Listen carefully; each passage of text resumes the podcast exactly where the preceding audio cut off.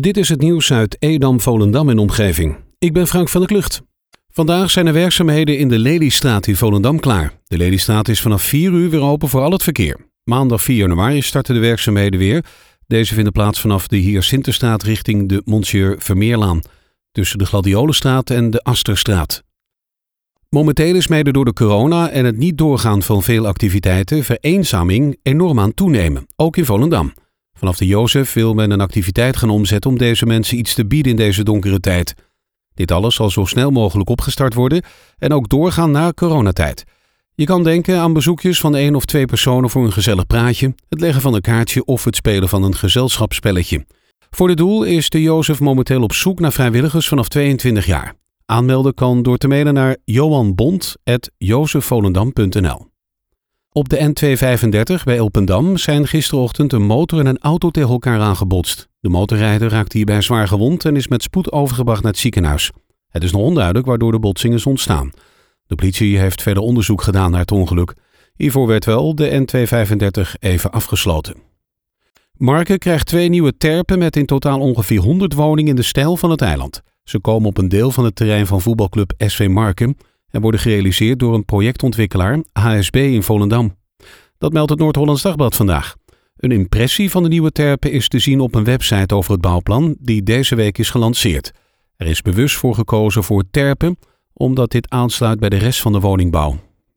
Er komt geen vliegverbod op Schiphol om overvolle terminals en lange wachtrijen de kop in te drukken. Dat laat minister van Nieuwenhuizen in een Kamerbrief weten.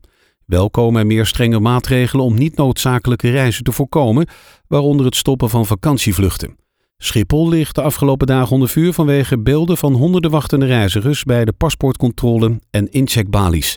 De Nederlandse luchtvaartmaatschappijen gaan bij het boeken van tickets klanten wijzen op het negatieve reisadvies dat voor de hele wereld geldt. Vanaf 4 januari verandert de identiteitskaart. Deze krijgt namelijk een inlogfunctie. Je kunt met deze nieuwe kaart inloggen bij de overheid, het onderwijs, de zorg of je pensioenfonds. Op deze manier inloggen geeft je maximale bescherming van privacygevoelige gegevens. Als je identiteitskaart bij de gemeente hebt opgehaald, krijg je binnen vijf werkdagen een brief van DigiD. Hierin staat hoe je de inlogfunctie kunt activeren. Kijk voor meer informatie op de website van digid.nl. De Rijksoverheid heeft vanwege het coronavirus opnieuw besloten alle kinderopvang, BSO en het basisonderwijs te sluiten tot minimaal 17 januari. Voor kinderen in Landsmeer van wie de ouders in cruciale beroepsgroep werken en een contract hebben met een kinderopvang, is het voor het aantal contracturen opvang beschikbaar. De mogelijkheid tot uitbreiding van het aantal uren is aanwezig en dient met de kinderopvang besproken te worden. Heb je geen contract, dan kan je tijdelijk contract afsluiten bij kinderopvang Berenbordje. Alle regelingen staan vermeld op de website landsmeer.nl. Er zijn onlangs honderdduizenden namen toegevoegd aan de database met personen die voorkomen in de archieven van het Waterlands Archief. Hierdoor is een groot deel van de doopboeken uit de periode 1602-1811 doorzoekbaar gemaakt. Een bijzonder project dat in de maanden maart tot en met november 2020 achter de schermen werd uitgevoerd, heeft ertoe geleid dat er klappers op de oude doopboeken, die al lang geleden vervaardigd werden, nu zijn gekoppeld aan de scans van die boeken. Hierdoor kun je nu op waterlandsarchief.nl zoeken op naam en doorklikken naar de scan van het doopboek.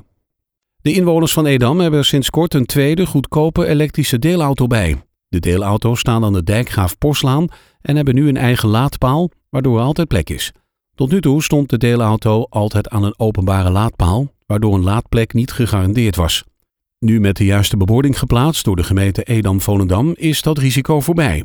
Een laadpaal plaatsen op het parkeerterrein bij de bibliotheek bleek om technische redenen onmogelijk, waardoor met instemming van de Meermin is gekozen voor deze locatie. De auto's worden gesubsidieerd door de stichting Duurzaam Waterland.